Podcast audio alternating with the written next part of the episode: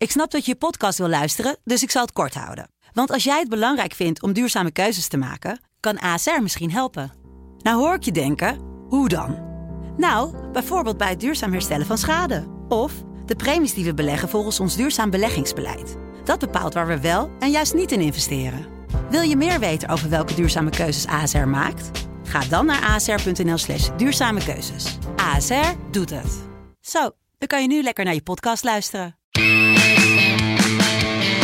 Dit is de voetbalpodcast Kick-Off van de Telegraaf.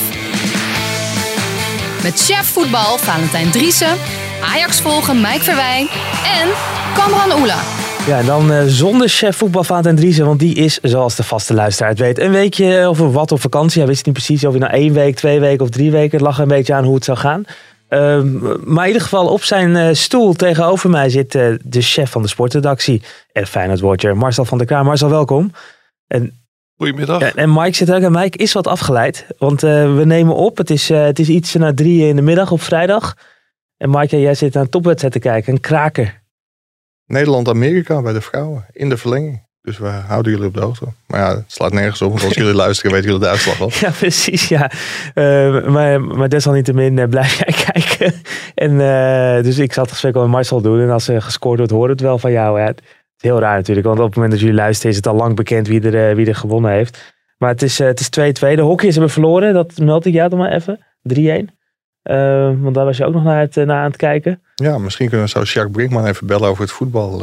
ja, nou, we hebben het over het hockey roepen. Laten, ja. laten wij het tot het voetbal, uh, voetbal beperken. Precies. Uh, maar Mike, ik begin toch even met jou. Want volgens mij had jij deze week een primeur over Björn Kuipers. Die, ja, zeg je dat, zijn, zijn fluit aan de wil gehangt? Ja, na de wedstrijd om de Johan Cruijffschaal stopte Björn Kuipers ermee. Dat was eigenlijk al een beetje de verwachting na het EK. Hij mocht de EK-finale fluiten. Dat was zijn grote droom. Nadat hij eerder op de WK-finale in 2014 had gerekend. Maar toen deden Louis van Gaal en zijn spelers het te goed voor Björn Kuipers. Waardoor de pas werd afgesneden. Nu had hij Italië-Engeland. En ik vind het wel een hele verstandige beslissing om op dit moment te stoppen. Want beter wordt het niet, denk ik. Vindt Danny Makkely ook, hè? Dat het een hele goede beslissing is. Ja, zeker. Want in tegenstelling tot bij het EK mogen na het WK... Maar mag er maar één Nederlandse scheidsrechter. Op het EK mochten er voor het eerst twee Nederlandse scheidsrechters actief zijn. En ik denk dat Danny Makkely wel heel blij is dat Björn Kuiper stopt.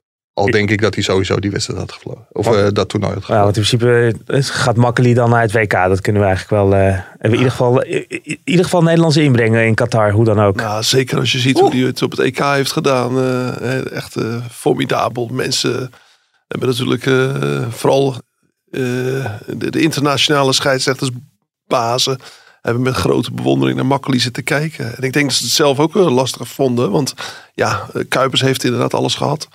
Makkely heeft de toekomst. Uh, tegelijkertijd zien we natuurlijk wel vaker dat als iemand echt nog top, top is, ja, moet hij dan vertrekken? Ja, uh, een lastig vraagstuk. Ik weet niet of ik hetzelfde zou hebben gedaan als, uh, als Kuipers. als je nog zo topfit bent en je bent echt een, een, een, baas in scheidsrechtersland wereldwijd. Hmm. Misschien ook het, het WK in Qatar wel zo hebben gedaan. Ja, en uh, je ziet vaak dat oud-scheidsrechters weer een rol gaan spelen. Hè? Als, als uh, chef van de scheidsrechters hebben we geloof ik de afgelopen jaren Dick van Egmond daar wel eens gezien. En, uh, en, en, en, en ook wat, wat, wat anderen. Ja, Dick van Egmond heeft nooit de EK gefloten. Nee, dat zei ik niet. oud-scheidsrechters die, die een rol gaan spelen. Björn Kuipers, is dat wel iemand die bijvoorbeeld ook weer straks een rol kan gaan spelen in het scouten van nieuwe scheidsrechterstalenten en het aansturen van, uh, van die mannen? Ja, ik denk dat hij veel meer kan dan het scouten van uh, talenten. Ik, ik denk dat het een hele goede nieuwe scheidsrechtersbaas zou zijn. Dick van Egmond zit er al heel lang. Kijk dit succes van het EK ook een beetje naar zich toe. Terwijl er toch heel veel kritiek is op de Nederlandse arbitrage als je de wedstrijd in de Eredivisie ziet. Het is ook tekenend. Er is altijd een zomercongres van de UEFA. Daar worden de topscheidsrechters uit Europa uitgenodigd. En voor het eerst zijn het dit jaar maar drie Nederlandse scheidsrechters. Dat zijn naast Kuipers en Makkeli dan ook Serdar Gusebiuk. Maar de Nederlandse arbitrage onder die drie zit er eigenlijk helemaal niks. Dus ik denk dat het een hele goede scheidsrechtersbaas zou zijn. Opvolger van Dick van Egmond. Het zou wel een goede trendbreuk zijn als uh, nu een oud topscheidsrechter uh, een goede begeleidende rol gaat, uh, gaat vormen. Want we zien natuurlijk wel heel vaak dat die mannen een beetje verbitterd afscheid nemen van Zeist. Hè? Eh, ik geloof niet dat eh, Mario van der Ende elk jaar bloemen krijgt eh, van de KNVB. Dick Jol ook niet op zijn verjaardag. En, ehm, er zit natuurlijk altijd wel iets onderhuids. En tegelijkertijd blijven ze daardoor ook wel de, de boel een beetje voeding geven. Ze zijn kritisch op alles wat er gebeurt. En dat heb je ook nodig om iedereen scherp te houden. Maar je hebt eigenlijk dit soort mensen nodig. Mario van den Ende had natuurlijk nog tien jaar een rol moeten spelen. In de begeleiding van scheidsrechters. Eh Dick Jol ook, eh, wat je ook van hem vindt. Hè? Want er, ze hebben toch daar in de, in de absolute wereldtop gelopen. En eh, we zien natuurlijk nu heel vaak mensen begeleiden die zelf dan niet de absolute top hebben gehad.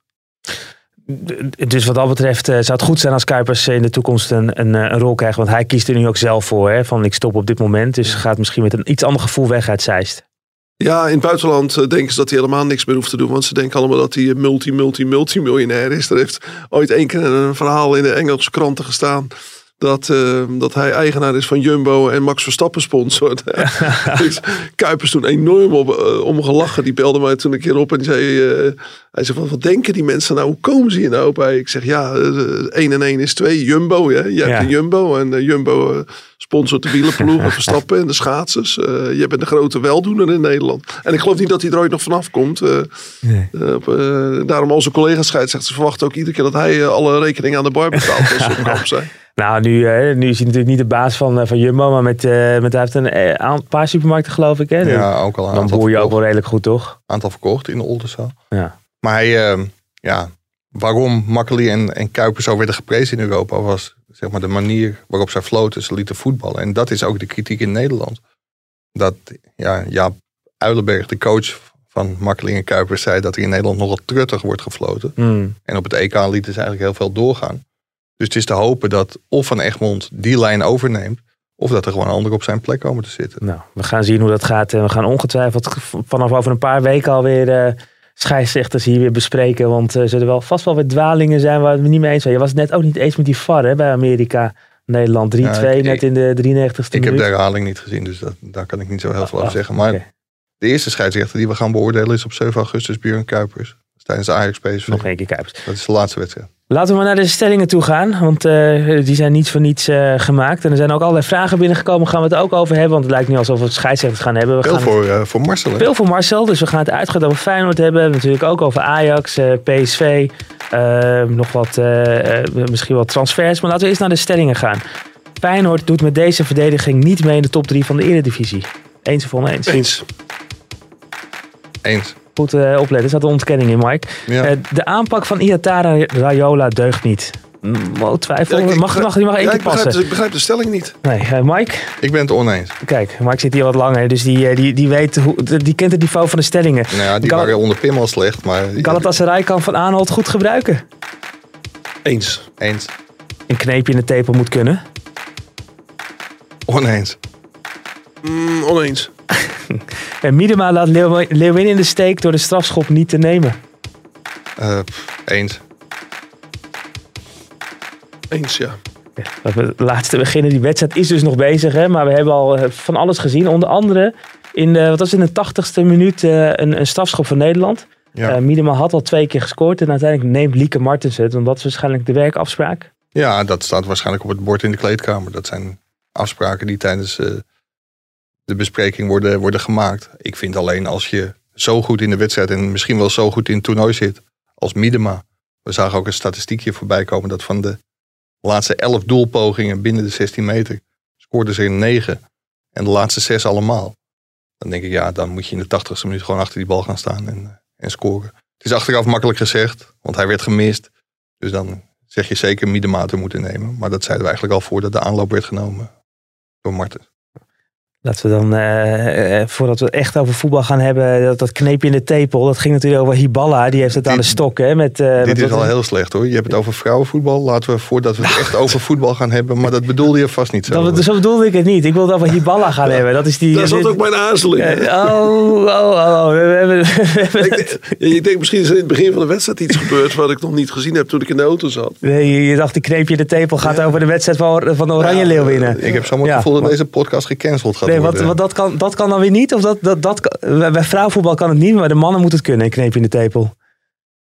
Eh, Ja, Het gaat over Hiballa. Hè? Dat Ja. is die, die heeft natuurlijk bij NEC eh, was, is trainer geweest. Dus we kennen, hem uit, we kennen hem uit Nederland ook. Maar hij is nu trainer bij Esbjerg eh, in Denemarken. Ehm, en 21 spelers hebben een brief geschreven dat, eh, dat ze zijn eh, gedrag zat zijn. Onder andere seksistisch. Eh, hij is fysiek eh, aanwezig. Hè? De mensen die een eh, vet rolletje hebben, daar zit hij aan. En eh tepeltje knijpen. Wat, kijk, wat kijk je naar mij? eh? Louis van, Louis van Gaal liet zijn broekzak in de kleedkamer. Weet je, wel. je, je kan natuurlijk altijd wel een beetje intimideren.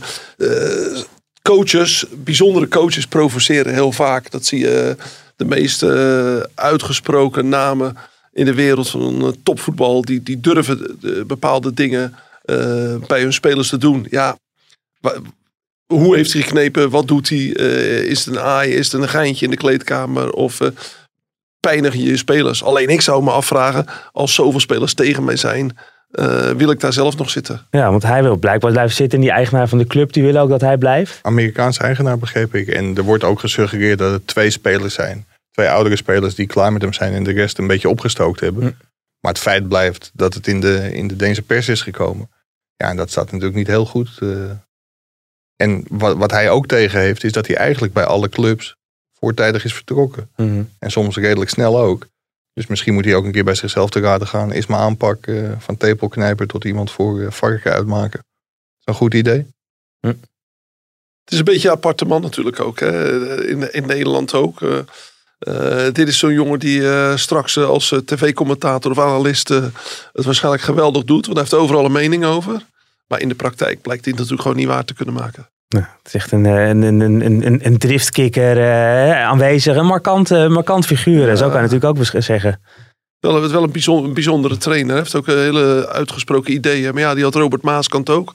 Was de prins van, het, eh, van de Nederlandse trainersgilde. En eh, ja, ik weet niet eens wat hij nu tegenwoordig allemaal doet. Eh, Yoga, geloof ik. Ja, dat filmpje zie je bij Johan Derksen iedere keer. De honderdste keer zie je hem in de tuin springen. Maar ik neem aan dat hij toch niet van vorig jaar, eh, voor de coronaperiode tot nu in die tuin nog steeds staat te springen. nee, dat hoop ik ook niet. Vooral voor de buren ook niet. eh. Nou, ik, ik, weet je, wat daar gebeurd is in Denemarken, dat weten we natuurlijk niet precies. Waar we wel heel erg voor op moeten passen. En dat, dat is wel zo. Alles ligt tegenwoordig ook gevoelig. Als we het over collega Jeroen Elshoff hebben, die in Japan zit. Ja. Al eh, meerdere dagen in een quarantainehotel, omdat hij positief getest werd in Tokio. En van verveling niet meer weet wat hij in die, eh, in die flat moet doen. Want het, het ziet er echt niet uit als je, als je die beelden ziet. Ja, die doet dan iets lolligs. Ja, ik vond het eigenlijk... Ik vond het, commentator doet hij na. Hè? Ja. ja, en ik vond het eigenlijk niet eens, eh, niet eens lollig. Maar ja, die moet dan ook, misschien onder druk van de NOS, dan toch heel publiekelijk zijn excuses maken. Omdat hij een Japan na heeft gedaan op Instagram. Ik denk, ja, weet je, iedereen die hem een beetje kent, die weet dat hij dat helemaal niet vervelend bedoelt. Nee. Maar dat kan niet meer en dat mag niet meer. En ja, daar moet je kennelijk tegenwoordig ook heel erg mee oppassen. Nee, dat, eh, dat, nou, we hebben tijdens de Olympische Spelen al meer voorbeelden gezien. Hè? Ik geloof dat, we- wat was het in eh, Duitsland, eh, die wielren. ja, maar dan, eh, dan vond ik dat, kamelendrijver. ja, er fietste een of andere Tunesiër eh, voor. Maar als je dan roept van pak die kamelendrijver, dat vind ik dan wel weer over het randje. En hij ook ontslagen of... eh, Ja, dat weet ik niet precies. Maar het was, volgens mij, dat was, dat was de trainer, toch? Ja, die, is die, die, die, Die is toevallig een camera bij, toch? Het is niet, ja... Nou ja, op de Olympische Spelen staan er natuurlijk niet toevallig camera's bij. En als jij iemand die voor je fiets van... eh, dat was Marcel, je zit nee te schudden.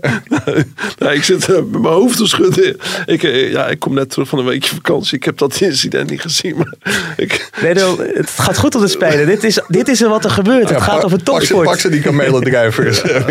ik, ik, ik heb nu al zoveel idiote dingen voorbij zien, zien komen en, en gehoord. Eh, alles wat er misgaat al in de Nederlandse ploegen. Dat begon met die, met die idiote vlucht. En ja, dit zijn er langzamerhand een soort parodie op te spelen. En Alleen een parodie van 18 miljard, geloof ik. Eh, het- ik vraag me af wie er in de toekomst nog, nog trots is op wat hier bereikt is. Eh, ja, natuurlijk, daar wil ik niks mee eh, onderuit halen van de Nederlandse atleten en de mensen die, eh, die keihard getraind hebben. Maar dit zijn wel de meest krankzinnige spelen die ik ooit heb meegemaakt.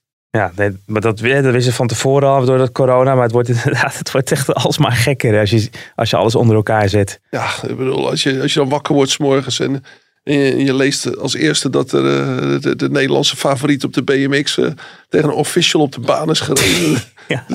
Dan denk je, wat is dit? dit kan toch niet, weet je, met Ja. zoveel geïnvesteerd in alles. En, En, eh, en een idioot op de baan. Dat is net zoiets wat er in de Tour de France met, met, die, met, die, met die vrouwen, met die opa, opa en oma eh, Hmm. borden. Ja.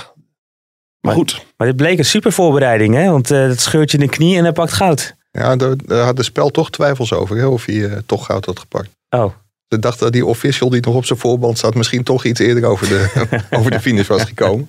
Maar ja, als je dat, als je dat leest... ja, de, de, de speld kan zich bijna opheffen als je gewoon ziet wat voor dingen, wat je zegt, Ja. wat er gebeurde. Hè? Het is gewoon soms, het is gewoon, het echte nieuws is bijna satire. Ja. Maar ik moet zeggen, ik vind het desondanks wel een hele vermakelijke speler. Het is altijd een heerlijke tijd om gewoon je tv aan te zetten. En dan waar je ook inrolt.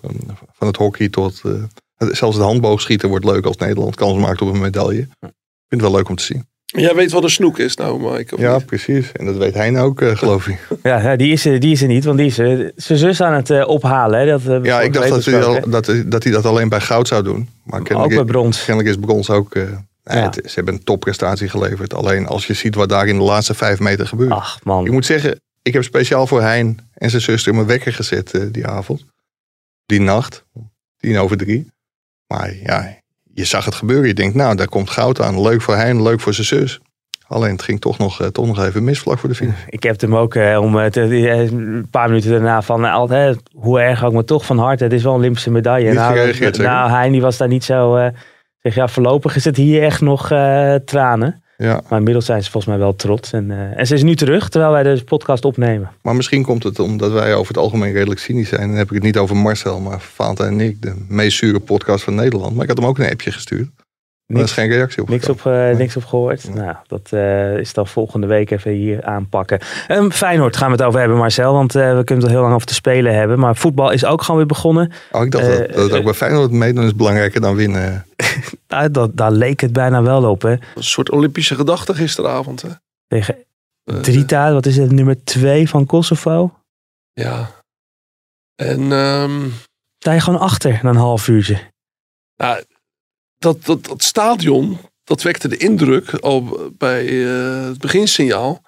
Dat het, dat de finale van de Champions League was. Nou is dat publiek van Feyenoord altijd heel fanatiek en heel eh, luidruchtig. Maar ik heb dit eigenlijk, ik kom er geloof ik nu eh, iets van 36 jaar. Maar ehm, eigenlijk nog nooit gezien dat het zo idioot eh, enthousiast was.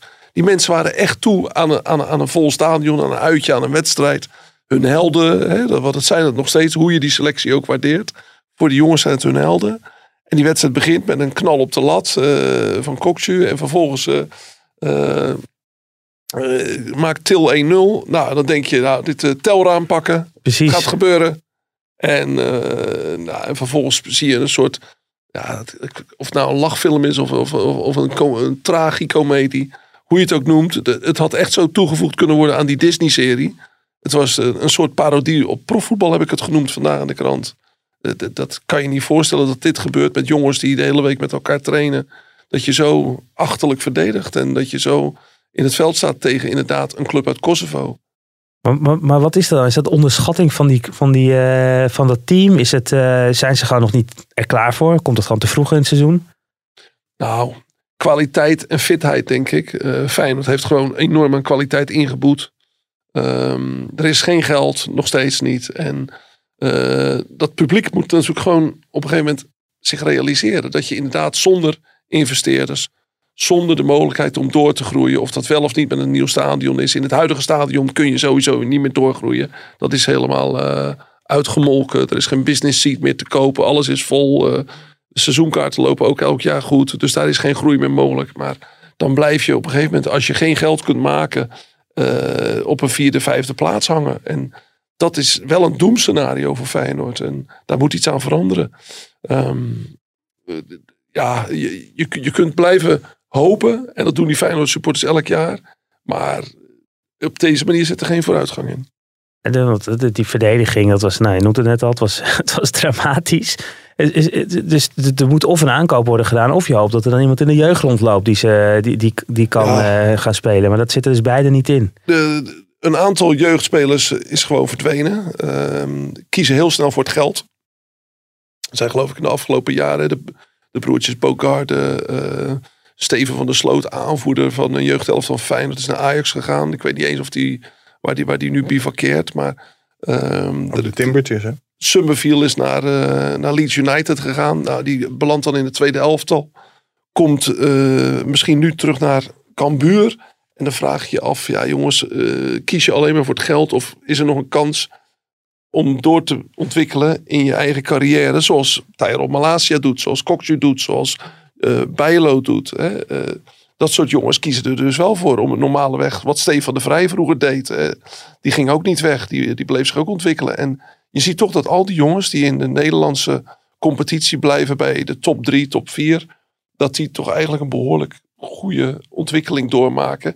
En dat zijn ook over het algemeen jongens die uiteindelijk in het Nederlands elftal staan. Mhm. Al die jonge jongens die weggaan eh, op, op heel jonge leeftijd, die, die, die redden het gewoon niet. Die, Nee. die eindigen allemaal weer bij een, eh, een tweede rangsclub. En dat is zorgelijk, want eh, de, de spelers die dus wel blijven, eh, die, die komen vaak wel in het eerste elftal. Maar het zijn er dan niet genoeg. Je hebt meer concurrentie nodig. En Feyenoord kan niet aankopen. Geld is er niet. Dus er, moet iets, er moet iets anders gebeuren. Voor de club is te hopen dat er investeerders instappen.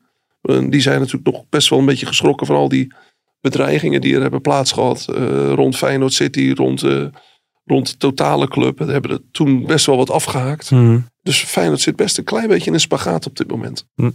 Maar is er, is er dan niet heel zorgelijk? Je las vanochtend de berichten dat Geert Ruida dan waarschijnlijk niet gaat bijtekenen. Zijn ze vier maanden mee in onderhandeling geweest? Ik snap dat er op een gegeven moment een grens is dat je zegt, ja, dit kunnen we betalen, meer niet. Maar dit zijn toch wel spelers die uiteindelijk geld kunnen leveren voor je, voor je verdere ontwikkeling. Ja, ik, eh, ik heb begrepen dat eh Geertruida's mensen, eh, dat is volgens mij de broer van Leroy Fer en nog iemand van Wasserman, um, Serrano, ik ben even zijn achternaam kwijt, ehm, dat die zeer hoge eisen hebben gesteld. Echt extreem hoge eisen. En zo hoog dat Feyenoord de, de hele boel op zijn kop zou gooien als ze daaraan zouden voldoen. En dat maakt het natuurlijk moeilijk, hè? Ehm, als je als club zegt van ja, we willen natuurlijk onze eigen talenten behouden. Maar er moet wel een grens zijn. En die grens, eh, die is al een paar keer opgezocht. En daar kunnen ze niet overheen. En niet met iemand die, ja, hoe lang heeft Gitruida eh, in, de- in de basis een, een, een, een goed gespeeld? Ja, niet heel lang nog. Ja, en die kan je niet eh, waarderen op een manier zoals eh, je absolute topspelers de afgelopen jaren zijn gewaardeerd. Nee. Nee, bij Ajax proberen ze dan wel te denken van ja, uiteindelijk kun je misschien verkopen voor zoveel. Dus Mhm. ja, dan is het misschien dat salaris wel waard. Maar Maar dat is met- heel veel geld op de bank is dat natuurlijk makkelijker. om Maar te- zei Mark Overmars vorig jaar ook niet een keer... ik trek de stekkers eruit, ik stop met alle onderhandelingen? Bij Robbie is dat Ja. bijvoorbeeld gebeurd. Ja. Ja, nee, dat is ook logisch. Op een gegeven moment moet je als club ook een grens stellen. En wat er nu ook bij Sulemana is gebeurd. Ja, daar was een akkoord met Noord-Zeeland. was een akkoord met de speler. En toen ging opeens de zaakwaarnemers 4 miljoen euro commissie vragen. En dan kun je als club zeggen, we doen het, want het is een uitzonderlijk talent. Maar je kunt ook zeggen, we doen het niet. En ja, dat is elke keer de keuze van de club. Maar ik vind het bij Feyenoord... Ja, het, het is heel moeilijk, want Geert Kruida heeft niet heel veel gespeeld. Maar ik geloof wel dat hij zes of zeven keer heeft gescoord eh, vorig seizoen. Hij heeft natuurlijk wel een geweldige ontwikkeling doorgemaakt. Ja, maar de, de, de eisen schijnen echt zo bizar hoog te zijn. Mhm. Ja, Dat nou, het dan echt moet je, dan moet je krankzinnig is als men daaraan zou voldoen. En eh, als je weet, ze weten zelf ook dat het talent is. Dus hebben ze al heel veel moeite gedaan. Eh, en zijn ze al voor hun doen, eh, wat ik heb begrepen van Feyenoord, eh, eh, tot een bizar hoog bedrag gegaan. En ja, wat moet je doen dan? Ik, gel- ik geloof wel dat het verstandig is om daar niet aan toe te geven. Want je ziet natuurlijk wel bij heel veel jonge spelers die net komen kijken, dat ze allemaal in de band zijn van geld. Mede, mede eh, door hun zaakwaarnemers, hè, die natuurlijk ook geld eh, zien. Iedereen heeft het tegenwoordig over percentages bij doorverkoop. Ik geloof dat iedere zaakwaarnemer tegenwoordig denkt dat hij Rayola kan worden. Mhm. Dat is ook een nadeel. Hè? Ja, maar het is toch wel een beetje raar dat dat, dat dan de broer van Leroy Veerta zou zijn. Die er toch ook wel bij gebaat is dat hij, eh, dat hij in, de kuip, eh, in de kuip blijft. Ja, als Leroy Ver nog lang bij Feyenoord voetbalt. Ja. Eh, Want eh, ja, er is belangstelling voor hem vanuit Turkije. Als ik zie hoe het publiek gisteravond op hem reageerde, dan gaat hij een moeilijke tijd tegemoet. Als hij zich fysiek en, en sportief niet heel snel goed verbetert. Ik vond het wel stijlvol dat Arne Slot hem na afloop in bescherming nam. Hij zei, ik ben de trainer die hem centraal achterin heeft ge- gezet. Omdat Trauner nog niet, Ja. nog niet spelgerechtigd was. Maar het was niet best. Nee, maar dat moet je ook wel doen als je niet heel veel spelers hebt. Hè. Eh, daarom vind ik het eigenlijk het, het programma van Feyenoord eh, waanzinnig. Eh, als je nou spelers hebt, zelfs Guus Til liep op met kramp in de, in de slotfase. En die zeggen na afloop dat hij niet eens de verlenging had kunnen overleven als het daarop aan was gekomen. En je bent nog zo matig en, beperkt in je mogelijkheden dat Feyenoord dan morgen spelen zondag spelen ze tegen Den Haag. Dan van de week gaan ze naar Luzern. En dan hebben ze tussendoor voor het gemak even Atletico Madrid uitgenodigd voordat ze weer tegen Luzern spelen. Nou, dan ben ik nog benieuwd wie er nog recht overeind eh, staan eh, als de competitie begint. Ja. Maar Maar Lutsen speelt Weerman. Die kun jij beter beoordelen dan, eh, dan ik dat kan. Maar dan zeggen ze, die hebben ze misschien wel iets te makkelijk laten gaan. Die zou ik eh, niet hebben laten gaan. Nee, die, die had ik er absoluut bij gehouden op het eh, middenveld. Maar eh, dat zal ongetwijfeld. eh, ik neem aan dat Frank Arnees die- dat toch ook met Arne Slot heeft overlegd. En Arne heeft een bepaald idee bij, eh, bij zijn middenveld. Eh, Leroy Ver komt ook niet meer in aanmerking voor het middenveld. Eh, alleen nog achterin, centraal achterin. Ja, en dat was gisteravond geen succes. En op het middenveld wil hij eh, mensen hebben met een heel groot loopvermogen. Kukcu, Toornstra, Til, dat soort jongens. En zelfs Texera, die Portugees, die, die toch niet de, de langzaamste was, komt eigenlijk niet meer in zijn plannen voor. Nee, ik moet zeggen, ik was zondag dan bij Feyenoord, bij Feyenoord tegen PAOK. En daar vond ik Wouter Burger. Die vulde het nog, eh, die vulde het beter in dan Ver. Dan kun je zeggen, ja, daar was niet zo heel veel voor nodig eh, gisteren. Maar die, die deed het best aardig op die plek, vond ik. Dat Ik denk dat dat ook een speler is voor de breedte. Eh, ze zullen in eerste instantie nu hun eh, geld zetten op, eh geld dat hebben ze al gedaan, op eh Kernot Trauner van, eh van Lins. Hm. Linzer ASK. Qua- ik- Je noemde net al eh, twee keer het lichtpuntje. Was gisteren natuurlijk wel Til die, eh, die, die drie keer scoort. Eh, dat is dan wel weer hoopgevend. Dat was natuurlijk ook een eh, probleem bij Feyenoord. Zeker in die eerste wedstrijd. eh, het, scorend vermogen voorin. en het gebrek aan een echte spits. Maar Til heeft zijn visitekaartje wel afgegeven, denk ik. Ik denk dat hij een droomdebuut heeft gemaakt. Ik geloof sinds Michael Bico hoorde ik gisteravond, 25 jaar geleden was, dat iemand in Europa drie keer gescoord had.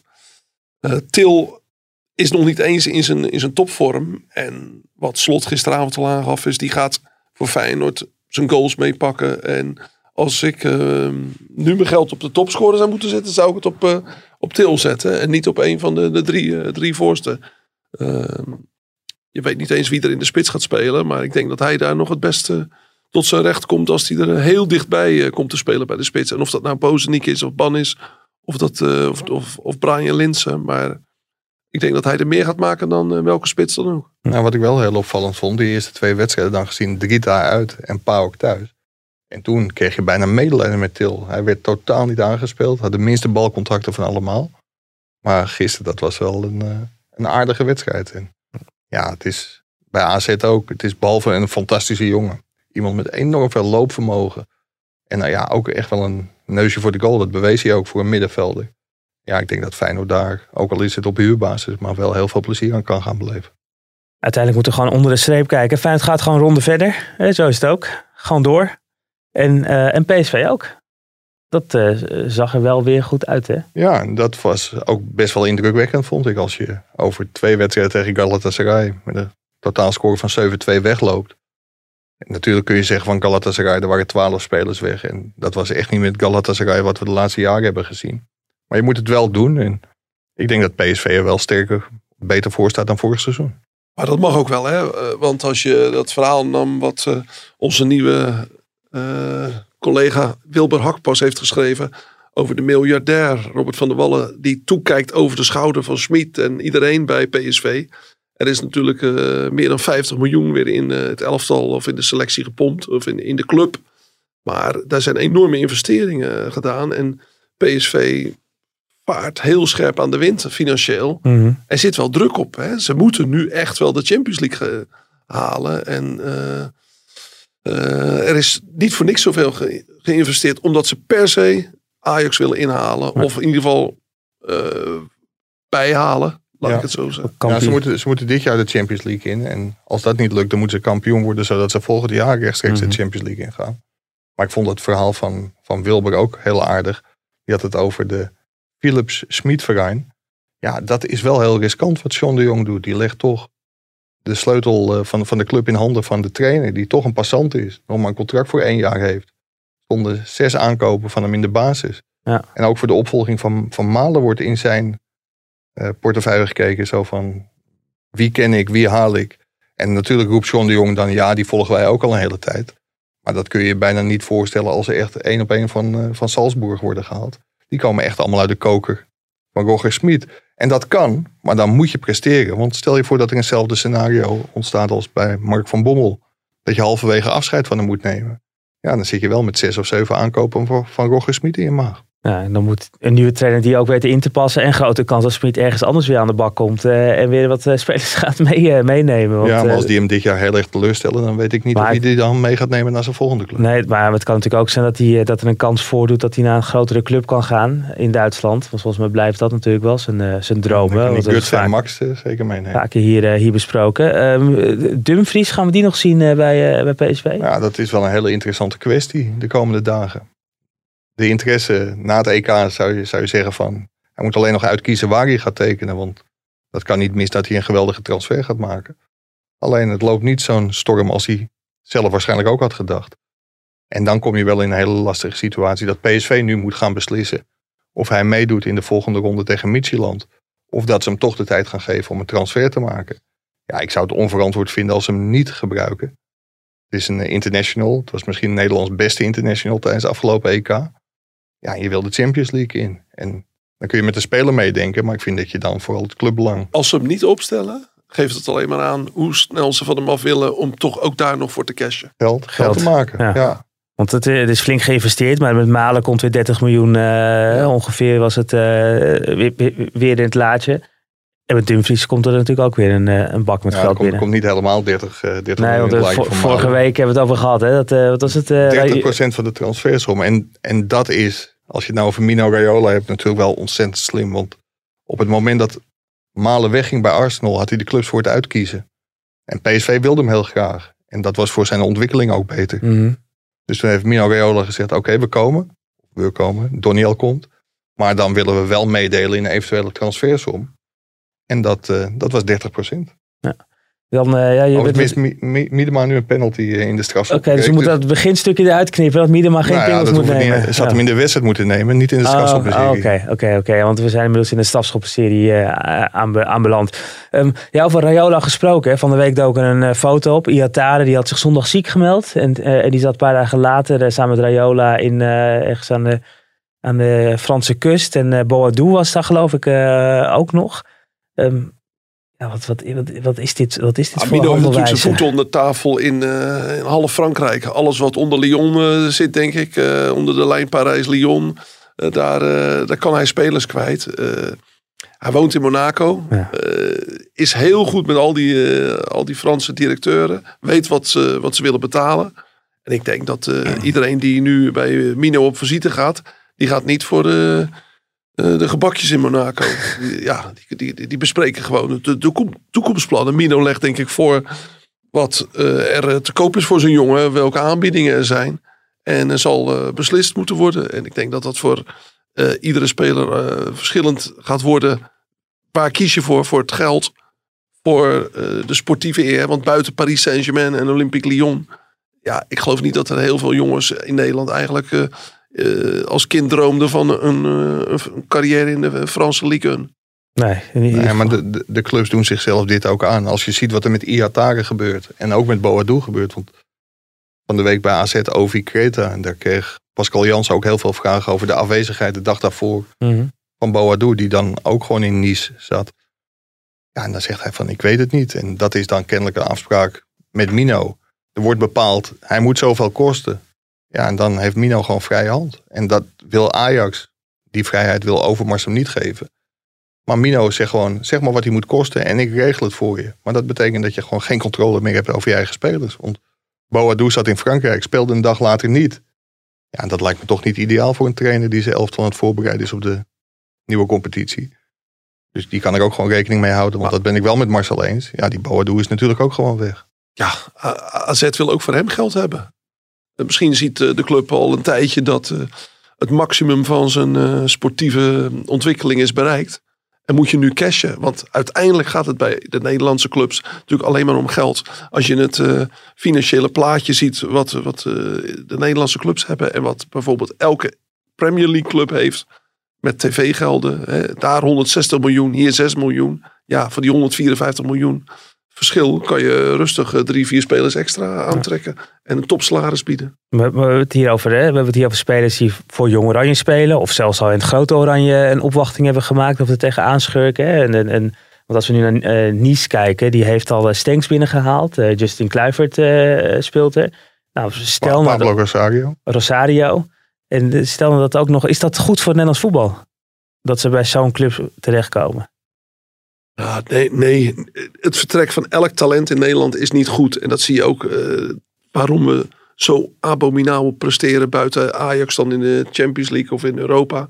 Uh, dat niemand kans ziet om eigenlijk te overwinteren. Dat is elk jaar weer een ramp, al jarenlang. Waar we het net over hebben, zo'n Feyenoord die ja, dan niet nog een paar jeugdspelers heeft. Uh... Ja, en dan, dan de, de ontwikkeling moet doorgaan. En als dat soort jongens dan, als ze maar even boven het maaiveld uitsteken, verdwijnen ja, dan blijft er hier veel te weinig over. Vroeger debuteerden spelers op hun 21ste, nu op hun 17e, 18e en uh, daarna zijn ze weg. Um, laten we dan naar een aantal uh, vragen toe gaan. Als jullie het uh, ook even. Of eerst nog even Ajax, of zullen we dat aan de hand van de vragen doen? Ja, laten we het aan de hand van de. Mark, want je had weer een oproepje gedaan of er vragen waren. Nou, voor Valentijn komen er niet zoveel vragen binnen, maar voor Marcel daarentegen een, een, een hele hoop. Maar laat ik even begin... Laten we beginnen met de leukste. Die was volgens mij van collega Marcel Vink, of niet? Uh, ja, dat ging zeker over hoe lang uh, Pim CD nog compenseert. Ja, weet dat jij het waren antwoord? onbevestigde berichten tot de zomer van 2027. maar dat, ja. maar dat, gaan, we, dat gaan we natrekken. Ja, hij komt de WK Qatar nog even terug. Uh, um. Overigens staat Nederland inmiddels op het punt om uitgeschakeld te worden. In de strafschoppenserie. Ja, als mensen luisteren is het al lang gebeurd, Mike. Ja, dus je, je doet heel spannend. in ieder geval dat... dat wij hier wel zitten te kijken. En niet ja, dat we een podcast opnemen en het vrouwenvoetbal links laten. Heel goed. Nou, wat lijkt dan bij jou, uh, bij jou wij, wij vinden het wel... Jij vond we gaan het zo over voetbal hebben, maar wij vinden dit wel voetbal. Ja, ja. Um, ik reageer hier niet op. Uh, er komen veel vragen over, uh, over, over Ajax. Natuurlijk ook binnen van jou, Maaike. Is Blind ook al, uh, als de selectie compleet is, een optie op het middenveld? Dat denk ik wel, ja. Ik denk dat Blind ook wel heeft gezien dat Martinez het geweldig goed heeft gedaan. vorig seizoen links centraal bij zijn afwezigheid. Nadat hij op Gibraltar die, die vervelende blessure opliep. Enkel blessure. Dus ik denk dat hij wel degelijk een uh, optie op het middenveld is. Het is ook de reden waarom Ajax wel open staat. Al zijn Mark Overmars van niet dit week, uh, deze week in, uh, in Oostenrijk tijdens het trainingskamp. Voor de verkoop van Edson Alvarez. Mhm. Mm -hmm. Maar Overmars is Overmars. Dat is natuurlijk gewoon onderhandelingstechniek. Als hij roept dat het een, een optie is om hem te verkopen. Ja, dan gaat er gewoon 3 miljoen van de prijs af. Dus hij zegt dat hij absoluut niet te kopen is. Om vervolgens toch met Stade te gaan onderhandelen. Ja. Waarbij de stem van Edson Alvarez doorslaggevend zal zijn. Hm. Als die weg wil, en dat is nog niet gezegd, want ja, die voetbalt bij Ajax en dat is in Mexico een veel grotere club dan Stade Ren. Mm -hmm. Maar als hij weg wil, dan denk ik dat hij uiteindelijk weggaat. En dan wordt Blind zeker een optie op het middenveld. Maar ook met de aanwezigheid van Alvarez kan Blind natuurlijk prima op het middenveld spelen. Nou, deze vraag was van Jordi Meester. Wat een vraag die dan meerdere mensen stellen is... als Blind de linie doorschuift en Kleiber lijkt er nu op... dat hij het uh, langere tijd uitgeschakeld is. Hè? Een kruisband uh, gaf hij zelf Je hebt de voorste kruisband in zijn... Ja. Ja, dus grote kans dat we hem dit hele seizoen uh, niet zien. Of misschien aan het einde nog. gaat eigenlijk nog weer een verdediger te halen? Ja, dan werd de combinatie met Geert Kruiden gemaakt. Nee, dat, dat is geen optie, geen optie voor Ajax. Ajax heeft voor die positie nog altijd Masraoui. Daar willen ze het contract van verlengen. Maar dat gaat eigenlijk net zo moeizaam als Geert Kruijder bij Feyenoord. Ook omdat Masraoui de hoge eisen heeft gesteld. Maar daar hebben ze ook die fine range. En dan zou Jurgen Timber ook kunnen spelen. Met Per Schuurs dan op de plek van, van Timber. Dus daar heeft Ajax voorlopig genoeg smaken. Mm -hmm. Waarbij wel aangetekend dat het ontzettend sneu is voor Kleiber. Zijn overstap naar Ajax is al niet geworden wat hij daarvan verwacht had. En ja, je kan het nooit één op één zeggen. Maar een speler die altijd maar op zijn tenen loopt. Ja, die loopt vaak een blessure op. Ja. Dus ik, ik denk dat het niveau van Ajax gewoon iets te hoog gegrepen was voor Kleiber. Erwin Lond, uh, die wil weten wie de tweede spits naar achter uh, Haller is. Is dat Danilo of is dat Tadic? Dat is voorlopig uh, Danilo, maar als het er echt op aankomt in Europa is dat natuurlijk gewoon Tadic. En dan kunnen ze op de flanken kunnen ze daar Neres zetten. En daar hebben ze ook nog wel meerdere opties. En, en, en Luca die vult erop aan. Hè? Die Magalan, Labiat en Danilo die zitten in de voorbereiding erbij. Spelen ook veel. Maar blijven die ook? Zijn het ook ja, spelers die... Magalan normaal gesproken niet. Over Danilo zijn ze wel redelijk, uh, redelijk tevreden. Die heeft het bij Twente, vooral voor de winterstop vorig seizoen, aardig gedaan.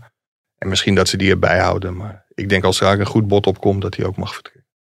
Dan wil eh, AZ Alerts, ja, dat, zo gaat dat tegenwoordig. Er is een Twitter-account AZ Alerts. En wat wil die weten van jullie? of er nog transfers bij AZ zijn. dan denk ik, dat moet AZ Alert zelf weten, toch? Of, of, of begrijp ik een sociale media niet AZ? Alerts houdt alles gewoon heel goed in Ja. de gaten. En geeft een alert als er echt een transfer is. Nou, dus, dus ik zie ook een andere vraag. En dat is dan weer van de AZ-watcher van voetbal, Flitsen, Bob van der Laan. Of er nog eh, geïnteresseerde clubs zijn voor Owen Wijndal of Marco Bizot. Ja, Wijndal, dat, dat is wel heel bijzonder. Als je voor het EK zou kijken, dan zou je zeggen dat de eerste AZ-speler was die een mooie transfer zou maken. Mhm. Had een geweldig seizoen eh, bij AZ.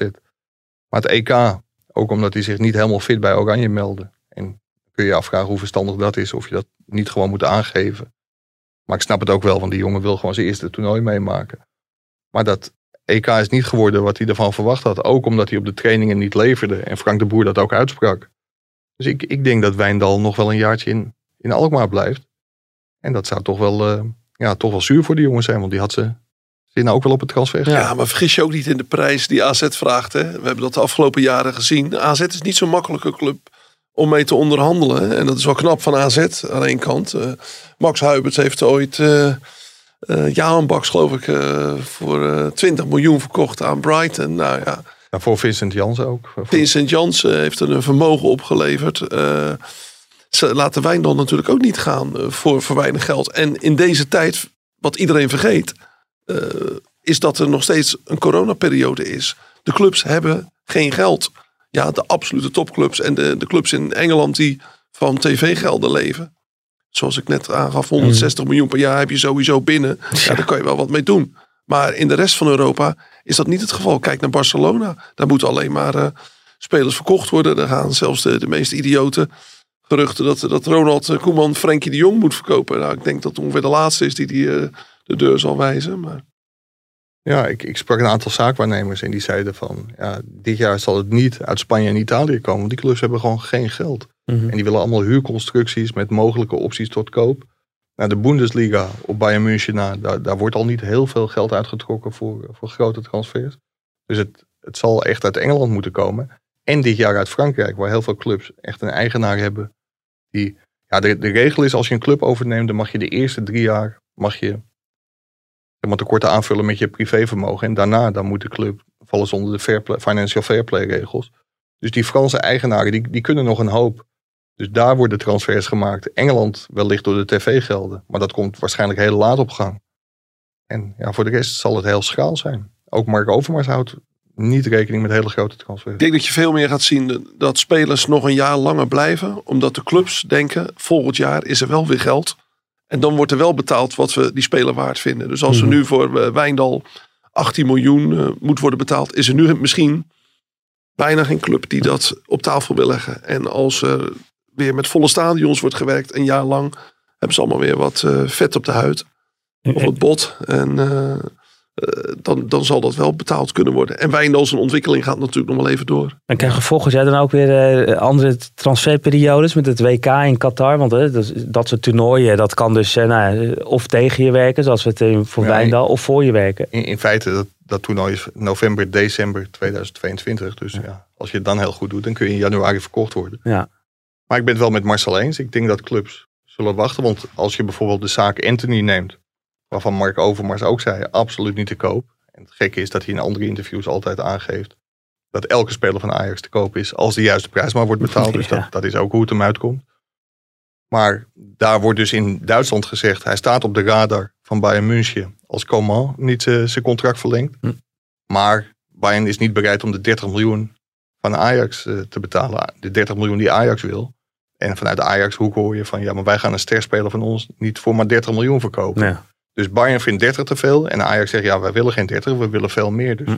daar gaan ze normaal gesproken niet uitkomen. Ja, hetzelfde bij Feyenoord. Eh, Club Brugge vindt 10 miljoen eh, te veel voor eh Tyro Malasia. Eh, de Turkse clubs vinden 10 miljoen te veel voor Orkun Kokcu. Eh, ja, wie zie je dan nog vertrekken als dat soort bedragen, eh, als het daarbij blijft, eh, dan moet je ook niet verkopen als club Nee. zijn er nu. Ja. Nee, nee, want als je ziet dat Anthony, ja, die heeft best een aardig seizoen gehad. Mhm. Ja, jongen die speelt één jaar bij Ajax. Ja. Waarom zou je hem verkopen voor 30 miljoen als je hem voor maximaal 21 miljoen hebt gekocht?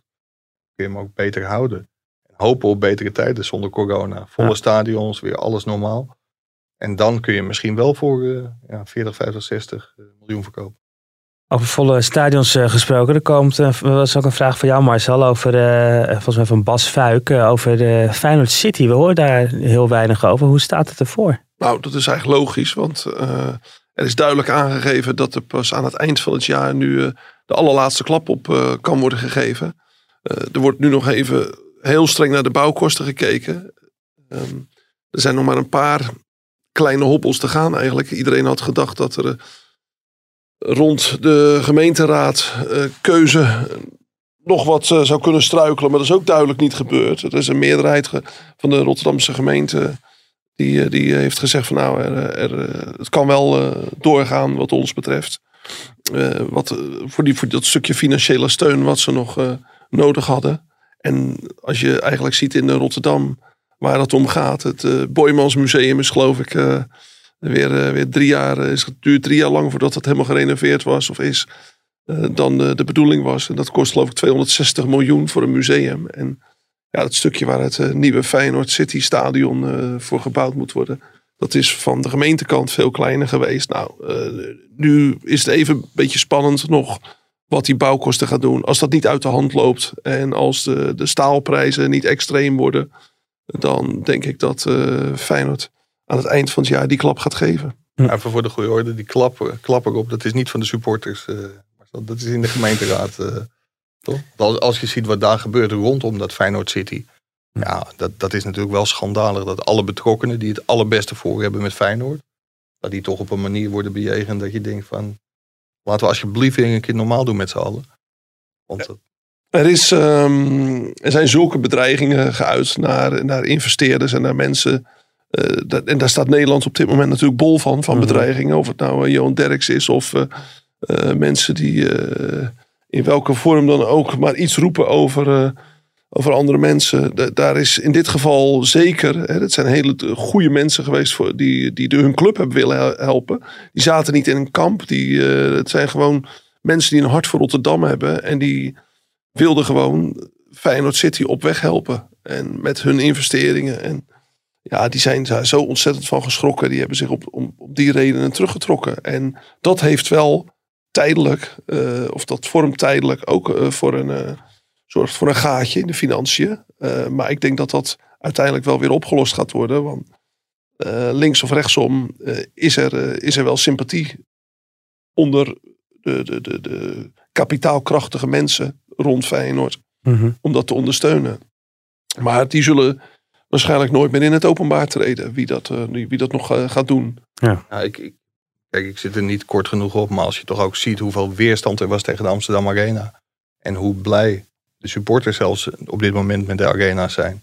Ja, je kan je ook niet voorstellen dat Ajax nog voor 14.000 mensen in de meer had gevoetbald. Ja, heel romantisch, prachtig. Vooral uh, against modern football fanaten. Hmm. Ja, je moet wel met je tijd meegaan. En wat Marcel volgens mij heel terecht aangaf commercieel zit Feyenoord al lang aan zijn plafond. Ja. Dus je moet op een gegeven moment ook gewoon door. Ja. En ja, dit lijkt me een prachtig project. En als het financieel allemaal haalbaar is en goed doorgerekend is, ja, dan moet je de sentimenten een keer aan de kant gooien. En door, denk ik. Je natuurlijk ook in, eh, in Duitsland met de stadion van München. Jij, Marcel, jij volgt eh, veel ook het, eh, het Engelse voetbal natuurlijk ook wel wat veranderingen geweest. Maar uiteindelijk is dat voor clubs gewoon, gewoon nodig. Hè? Zoals, zoals Mark dat ook wel terecht aangeeft. Ja, absoluut. Kijk, het, het, zit, probleem zit het vooral in dat je... Eh, ik, ik, loop echt inmiddels heel wat jaartjes bij Feyenoord rond. En je ziet elk jaar hetzelfde patroon. Hè? Er is hoop, er is verwachting. Hmm. En tegen de tijd dat het winterstop is, dan, uh, nou, dan zijn die verwachtingen al gehalveerd. En voordat het Pasen is, uh, nou, dan is iedereen totaal gefrustreerd bij Feyenoord. En de enige periode dat het even ja, goed is, wat beter is gegaan, is onder Ronald Koeman, die voor jeugd koos. Hmm onder Giovanni van Bronckhorst, die eigenlijk ook niet veel te besteden had. En uh, doorging met, met, met die jeugdspelers. En dat geen, geen extreme investeringen hebben ze kunnen doen. Alleen maar eigen jeugd. Uh, ja, en als je daarop moet blijven, moet blijven leunen, uh, dat, dat is te weinig als je uh, echt mee wil doen in de top. Ja. Dus in, in dit stadion zitten ze aan hun max.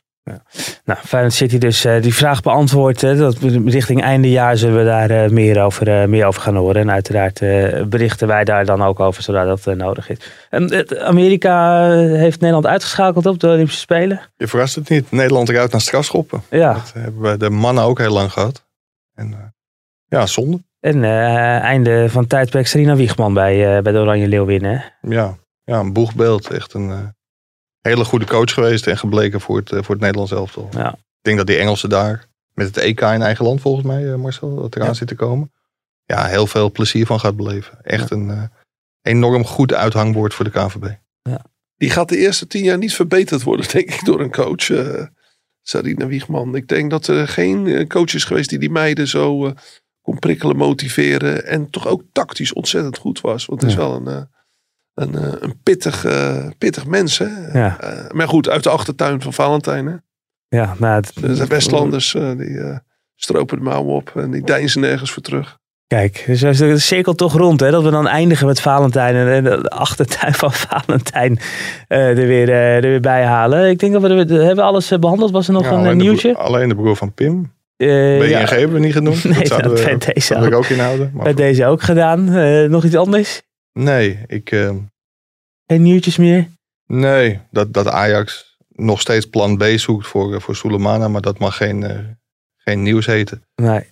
En dat is eigenlijk het enige nieuws bij, bij Ajax op dit moment in Goed dat hij er niet is. Dan hadden we weer die verschrikkelijke jingle eh, gekregen. Nee, met, Soleimana is weg. Dat ja, is klaar. dat Die jingle hoeft, niet, hoeft niet meer ingezet te worden. Maar moeten we Heine opvangen volgende week? Of denk je dat hij dan wel de klap erboven is? Nou, hij moet volgende week tekst en uitleg geven waarom hij je niet terug appt als jij hem een eh, berichtje stuurt. Eh, dus dus hij, we verwachten hem volgende week weer. Ja, ik denk echt dat hij heel erg in de put zat. En het zal niet vanwege die 50 euro zijn die hij bij Unibet ingezet had op zijn zuster, denk ik. Ik denk dat het echt... Ja, als je, als je ziet, en daar, daar kan ik me wel iets bij voorstellen. Kijk, zo'n meisje is natuurlijk maar met één ding bezig, maandenlang. Ja. Onder de allermoeilijkste omstandigheden in de coronatijd. En als je dan zo dicht bij Olympisch goud bent. Ja, dan kan ik me voorstellen dat de hele familie even in zak en as. eh, Een snoek zit in een klein hoekje. ja, dat is een mooie kop voor de podcast. Dat zullen we het niet doen. nee. Eh, Mike, volgende week ben jij er weer? Zeker. Ik eh, ga voorlopig nog even door en dan ga ik compenseren. Maar dat wordt in september of oktober, eh, denk ik. Marcel, zien we jou volgende week? Als Valentijn nog niet terug is. eh, Nee, die is nog niet terug. Nee. Ben je Nou, ja, dat- dat, of ga, dat- ga je? We, we weten niet of vader terug is. Hè? Zo, Hij zei vorige week, ja, ik weet het niet. Ja. Het ligt er een beetje aan hoe de vakantie Ja, dat lag verloopt. een beetje aan zijn vrouw en hoe het, tussen, hoe het op vakantie zou gaan. Want Caroline twijfelde volgens mij een beetje of ze naar Portugal zou gaan. Maar ze, ze zijn in Portugal en volgens mij hebben ze het enorm naar hun zin. Tot zover deze podcast. We moeten maar een eind aan breien. Tot volgende week. Dan zijn we er weer. Dank voor het luisteren.